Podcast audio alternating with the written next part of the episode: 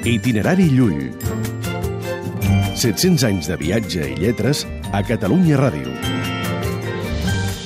Teoria i pràctica.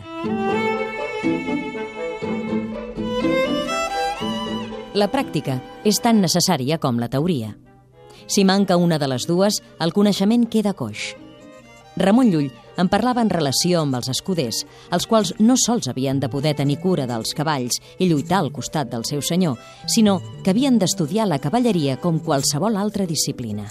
Seria convenient que s'establís una escola de l'ordre de cavalleria i que esdevingués una ciència escrita en llibres i que s'ensenyés així com s'ensenyen les altres ciències.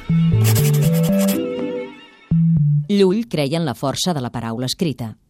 Avui, malgrat la importància de la imatge, el domini de la paraula continua sent bàsic. Potser més que mai. Itinerari Llull.